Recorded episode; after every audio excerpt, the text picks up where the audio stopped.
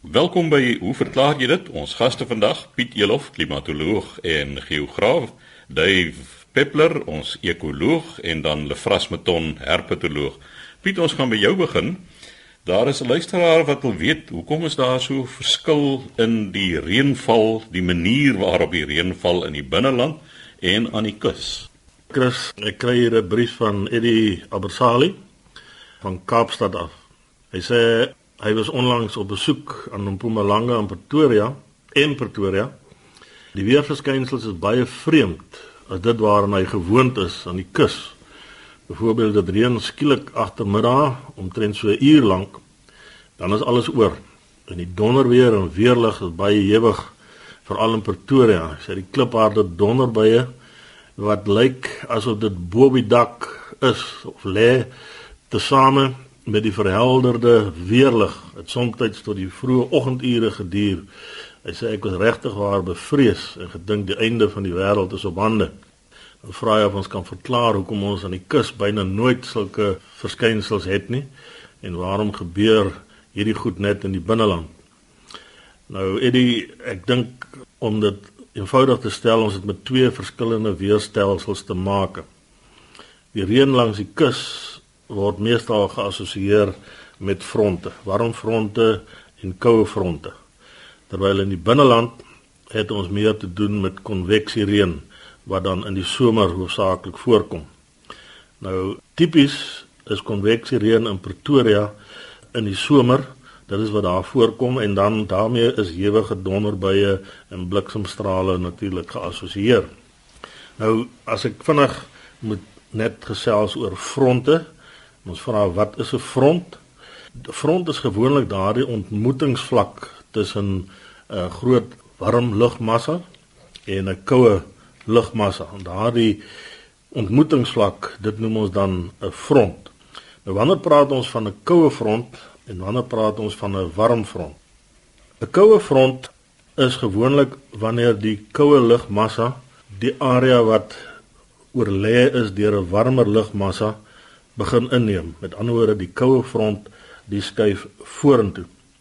En daardie tempo waarteen daardie koue front vorentoe skuif is gewoonlik so tussen 35 en 50 km per uur.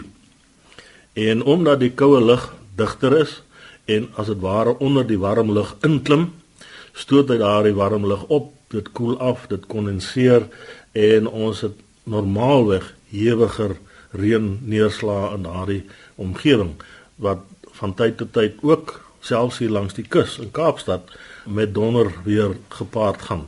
Nie noodwendig donder buie soos wat ons dit in die binneland ervaar nie, maar wel donder weer en dit kan ook tot in die nag voortduur wat dan vir ons hier in die Wes-Kaap en soos wat jy ook tereg sê, jy is uit Kaapstad uit dikwels vreemd is en dit is nie net die mense van Kaapstad nie, maar gewoonlik veroorsaak dit redelike konsternasie onder die diere in die stede wat nie gewoond is aan hierdie harde donderslae nie. Nou 'n warm front noem ons 'n warm front as die warm lug stadig aan die area waar die koue lugmassa is begin indring omdat die warm lug egter minder dig is, skuif dit bo-oor die koue lug en beteken dit dat daardie warm lug gaan afkoel.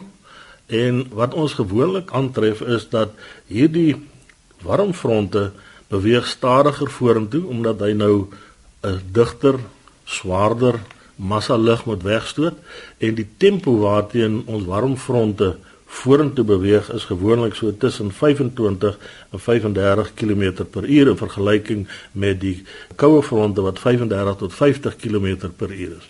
Nou die implikasie van hierdie warm front wat vorentoe beweeg en die warm lug wat bo oor die koue lug inskuif is dat dikwels omtrent 1000 km voordat daardie warm front ons hier in die Kaap raak of tref begin ons baie hoë wolke sien, cirruswolke wat vir ons dan 'n aanduiding is dan hier is 'n 'n warm front in aantog. Later dan dan begin die wolke bietjie digter raak en ons praat van altostratus, alto hoogstratus gelaagde wolke en uiteindelik dan nimbostratus. Nimbo, die voorvoegsel wat beteken reën. Net so sal ons in die somerreëngebiede wolke kry wat ons noem cumulonimbus wat dan hierdie swaar reënbuie veroorsaak en natuurlik ook moontlikheid van haal vir jou bring daarmee saam. En omdat dit so een groot wolkmassa is as ek dit so kan stel, vind ons dat dikwels is dit 'n redelike beperkte area waar daardie reën voorkom. Ons het al in 'n vorige program melding gemaak van boere wat praat daarvan dat sy buurman het 'n privaat reën gehad omdat dit net op sy plaas gereën het en nie op die plaas langs aan nie. So Eddie, dit sou my verklaring wees vir die verskil in die tipe reën baie wat jy ervaar het en die feit dat ons hier langs die kusgebiede hier in die Wes-Kaap of selfs die Suidkus nie so baie donderweer kry nie. Dit beteken nie dat hier nooit donder baie hier voorkom of donder weer is nie, maar dit is in elk geval baie minder en ek wil amper sê minder indrukwekkend as wat ons in die binneland aantref. So sê Piet Elof, ons klimatoloog en geograaf, Dave Peppler, ons ekoloog is aan die beurt. Dave, hoekom tref ons so min diere in stede aan? Chris, ek het 'n e-pos ontvang van Jakob Hessner. Dis my interessant in my voorsate was daar Hessners, ek het nooit weer raakgeloop daarna nie. Hy vra hoekom is stede so steriel in terme van biodiversiteit?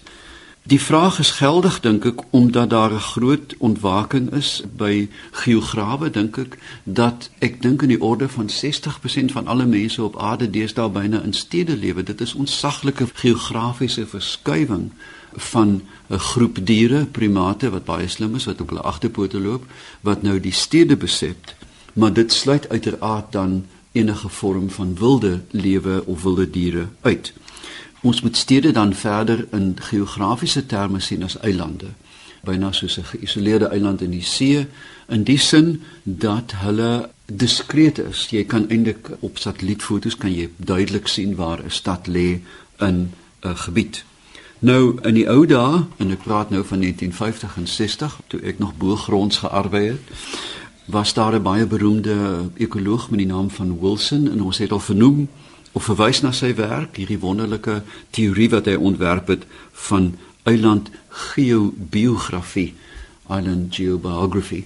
Nou om te bewys dat eilande bevolk kan word na gelang van hulle afstand van die bron van bevolking, as ook hulle grootte, het hy die klassieke eksperiment aan die kus van Amerika gedoen waar hy in as ek reg onthou 'n eiland in die orde van 1 vierkante myl gesoek het 1 myl van die land of 2 myl, 3 myl, 4 myl, 5 myl tot 15, 20 myl.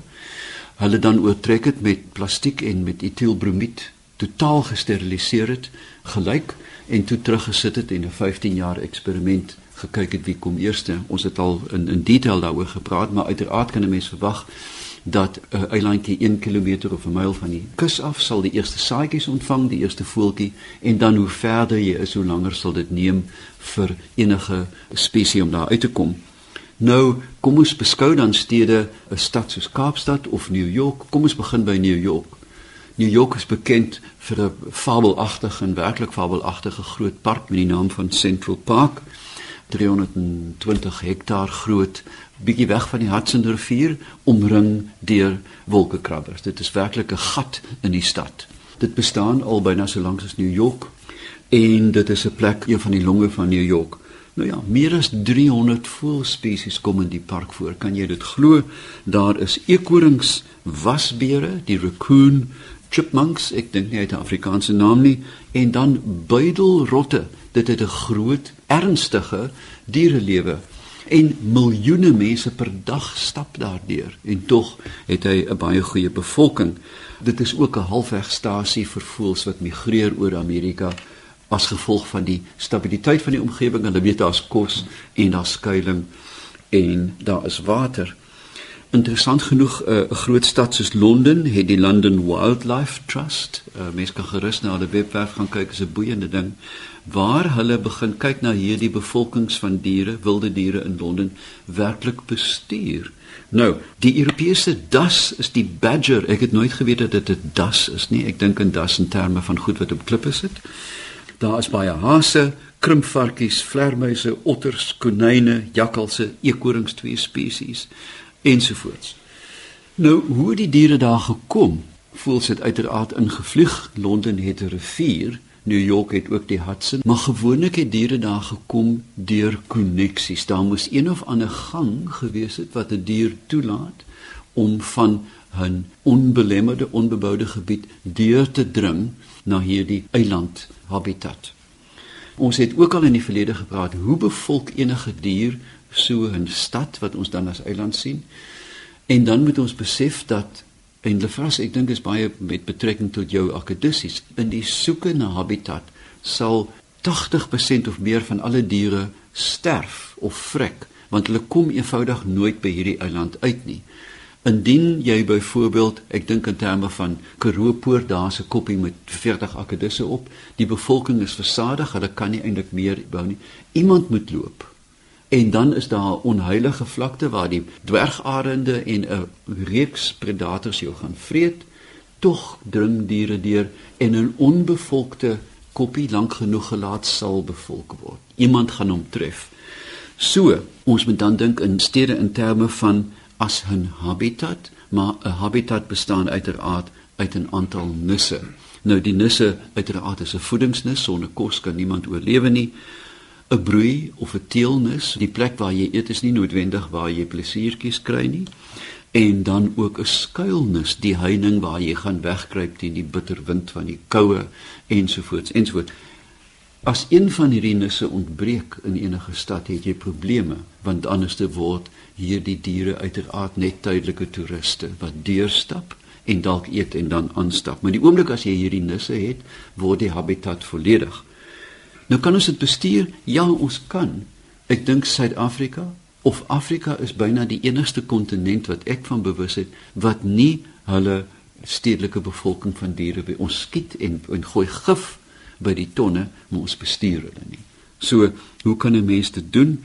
Mens kan die draagkrag van die stad bepaal. Wat is die draagkrag van Kaapstad vir bakoor jakkalse byvoorbeeld? Kom ons dink aan iets meer vir wille kat byvoorbeeld. Ons sal sê dat Kaapstad kan sê net maar 50 van hierdie diere dra.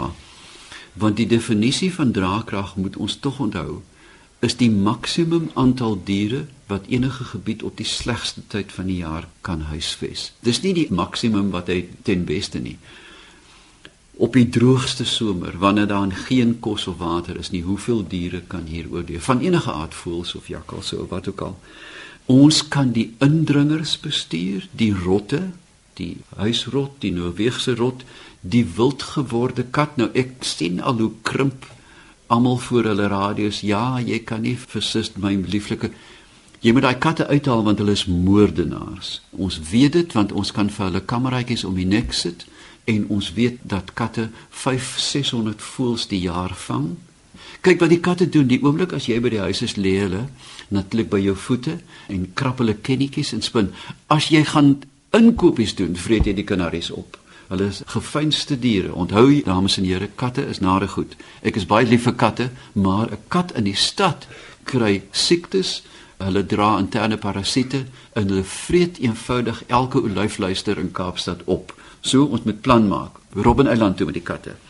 Dan is daar ook netlik rondloper honde wat groot skade veroorsaak. Nou ja, daarvoor het ons die naald. Ek dink mense doen sulke diere 'n groot guns met genade dood, liefs as om hulle vir ewig aan te hou in hokke, maar bovenal kan ons bewerkstellig geografiese koneksies tussen parke, van die berg na die park, van die park na die see.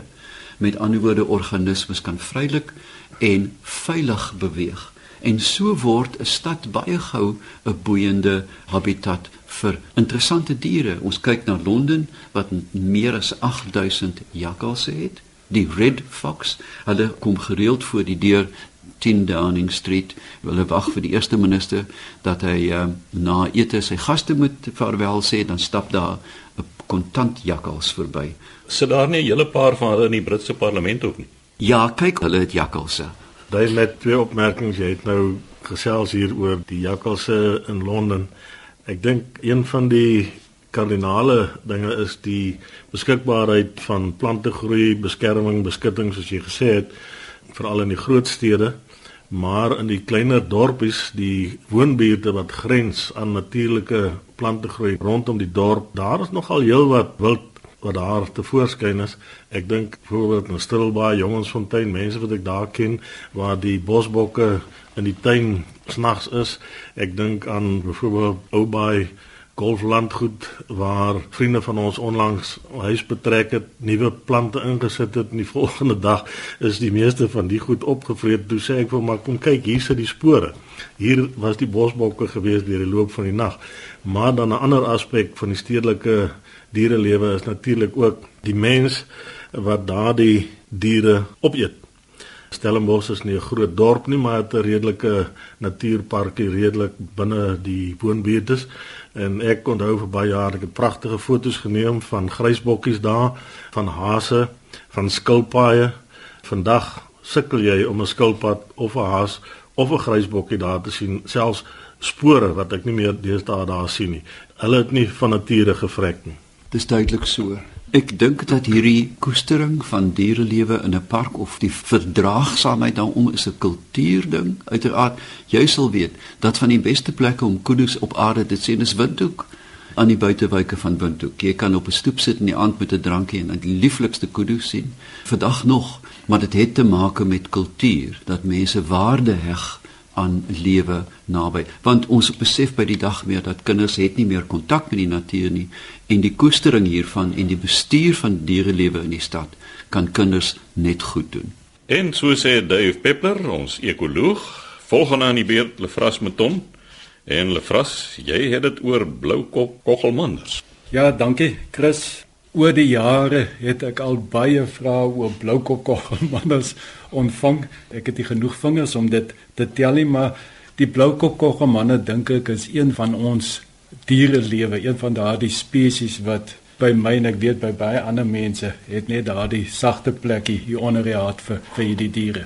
Ek het 'n brief ontvang van Jaco Kritsinge. Hy sê hy en sy familie het onlangs daar op 'n gasteplaas in die Beaufort Wes distrik tydjie deurgebring hulle het baie in die veld geloop en bloukop koggelmannes was taamlik volop maar sê hy hulle het ook gereeld 'n ander koggelmande-agtige spesies gesien maar wat nie bloukoppe het nie. Sien aangehegte foto ek het dit nou ongelukkig nie in kleur hier nie maar hy sê kan u vir ons hierdie akedus identifiseer asseblief en sou daar kompetisie wees tussen hierdie twee spesies omdat hulle dan nou so min of meer eenes lyk behalwe vir die blou koppe. Nou ek kan sommer dadelik sê dat dit is nie twee spesies, dit is dieselfde spesies. Die foto hierso spesifiek is van 'n wyfie. Ek wil nie daardie sê dat uh, wyfie blou kokkogemandes nie ook blou koppe het nie. Hulle het ook baie keer blou koppe, maar dit kom minder voor as by die mannetjies. Nou as mens daar in die veld rondloop, gaan jy ook baie keer mannetjies sien, volgroeide mannetjies wat ook nie blou koppe het nie. En die rede hiervoor is dat die blou kan ander afgeskakel word. Hulle kan besluit nou wil ons bietjie vertoon en dan raak hulle koppe blou binne 'n uh, klompie sekondes en dan as hulle dalk senuweeagtig is of bedreig voel, dan raak hulle heeltemal vaal. So dit is natuurlik vir hierdie akkedisse baie voordelig om in staat te wees om die kleur te kan verander want enige helde kleur ding maak natuurlik sigbaar vir roofvoëls. Nou die funksie van die bloukoppe is nie om te wys ek is giftig of dit nie. Ons weet dat bloukopkoggelmanders is ten spyte daarvan dat baie mense dink hulle is giftig, hulle is definitief nie giftig nie. Die funksie van die helde kleur, blou kleur is om te adverteer, om te kommunikeer met ander mannetjies in die omgewing. En om dit effektief te kan doen, moet hulle op 'n redelike goeie uitkykpunt sit waar die ander mannetjies hulle kan sien. Hulle kan nie onder op die grond tussen 'n klomp klippe sit nie want dit gaan nie werk nie. So as hulle so sit, is hulle natuurlik ook nou weer baie sigbaar vir roofvoëls. Mense sal, ek het dit ook al voorheen genoem, dan nou verstaan die feit dat bloukopkoggelmannes kan besluit wanneer hulle van kleur wil verander dat hulle baie na familie is van die verkleermannetjies. Soveel so dat redelik onlangs was hierdie twee groepe verkleermannetjies en bloukopkoggelmannes in dieselfde familie geplaas van Akedisse. En as mens kyk ook na verder eienskap dat bloukopkoggemannes, jy moet hulle mooi dop hou as hulle eet, hulle skiet 'n tongetjie uit. Nou nie so ver soos 'n verteermannetjie, maar hulle eet deur die prooi met hulle tong te vang. Lefras is die kleurverandering dan by bloukoppe dieselfde meganisme as by die verkleermannetjie? En 'n tweede vraag is, hoe kry hulle dit so blou? Is dit dieet gekoppel of is dit 'n velfisiologie ding? Ons het dink verlede jaar op 'n stadium gesels oor verkleermannetjies hoe hulle kleur verander. Daar's verskillende meganismes. Eerstens van dit is nou maar die melanien wat in groot selle redelik diep in die vel in lê en dan word dit met uitlopers na bo dan word die melanien pigmente opgestoot en dit verander die kleur van die dier en dan is daar ook ander deeltjies wat verskillende kleure kan veroorsaak. Maar alles word eintlik deur die melanien beheer. Maar die meganisme is presies dieselfde by bloukokkelmannes en by verkleermannetjies Wat nou vir my so interessant is, dat diere wat helder kleure gebruik, ek praat nou van akedisse, wat helder kleure gebruik, is natuurlik nou blootgestel aan predatore, so hulle moet vinnig wees. En ons almal wat hulle bloukokkelmanne gesien het, hy's vinnig. En om vinnig te wees, moet jy nie panser hê nie. Jy kan nie groot skubbe hê en groot stekels nie. So jy kan maar kyk enige ding wat van kleur gebruik, hy kan vinnig hardloop. En nou het ons nog 'n ander interessante waarneming gemaak. Die ander opsie om te kommunikeer is nie deur kleur nie, maar deur chemiese kommunikasie, deur feromone. En mens kan amper die voorspelling maak dat diere wat helder gekleur is, gaan swak ontwikkelde kliere hê wat feromone produseer want hulle gebruik nie so baie feromone nie. En diere wat panser het, is sommer nou net hoe al die goed te mekaar skakel, wat swaar panser het Hulle kan nie helder gekleur wees nie, want hulle is te stadig. Die panser maak hulle stadig. As jy nou gaan kyk na hoe hulle kleure gaan lyk, hulle gaan van chemiese kommunikasie gebruik maak. Hulle sal goed ontwikkelde kleure hê. So sommer dis sommer nou so 'n bietjie van die punt af, maar bloukokkogemannes voor waar wonderlike spesies. Hulle kom oor die hele Suid-Afrika voor en as mense in die veld gaan loop, maak dit saak waar nie, maar veral hier in die droë dele, die Karoo en so aan, is hulle baie volop. Mens sien hoe hulle op die klippe sit, die mannetjies en hierdie op en af bewegings as jy nader kom. En is altyd iets lekker om te sien. Dit laat mens goed voel as jy 'n blou kokkogemanne sien. Lefras, ek reis nou heelwat verder noord in Afrika en waar die klippe verdwyn en die bome begin, is daar 'n bloukop koggemanne wat ook in die bome voorkom. Is hulle naverwant? Hulle was al die jare in dieselfde genus geplaas, Agama, maar intussen het een of ander slimkop hulle nou in 'n aparte genus gesit, maar dit is nog altyd lid van dieselfde familie. En ek wil net weer herhaal dat bloukop koggemanne is nie giftig nie daai stories van dat die blou koppe op die bees se rug spring en hom dan die bees hier in die agter in die nek byt of die varke doodbyt, dit is nie waar nie. Dit is wel so dat die blou kokkogemannes het twee sulke skerp tandjies wat lyk soos Dracula se tande asof hy kan bloed suig, maar hulle is definitief nie giftig nie. Die kan ek vir jou sê, Lefras, dat 'n blou kokkogemanne byt vir jou nerf af. Daai ding kan vir jou, hy byt vir jou 'n blou kol. Hulle vra net so ietsie anders. Jy het nou gesels oor die bloukop koggelmanner, maar miskien nou nie vir vandag se program nie, by 'n ander geleentheid. Ek het nou al hoeveel keer gesien as ek daar in die Karoo in die veld sit, dan gaan daar so 'n klein donker akedissie met so effens 'n rooierige kleur aan die onderkant by my verby en as hy begin spoed optel dan lig sy stert op. Hardloop hy nou vinniger omdat hy afdra na hardloop of hoekom is dit dan so dat hy as sy stert oplig dan is hy sterk op spoed? Dit is nou heel toevallig. Dit gaan 'n baie lekker program wees om bietjie oor sterte te gesels by Akedisse. Ek dink in die geval is as 'n balanseerorgaan, maar ek dink Dave om 'n slag te gesels oor hoekom het die mens, hoekom het ons voorvaders ons sterte verloor en die hele storie oor honde is dit hoekom is dit so oneties om 'n hond se stert af te sny by sekere rasse? Is dit oneties? Ek moet dit onthou en ek gaan jou dan as die vraagsteller voorstel. Is reg so 'n vraag.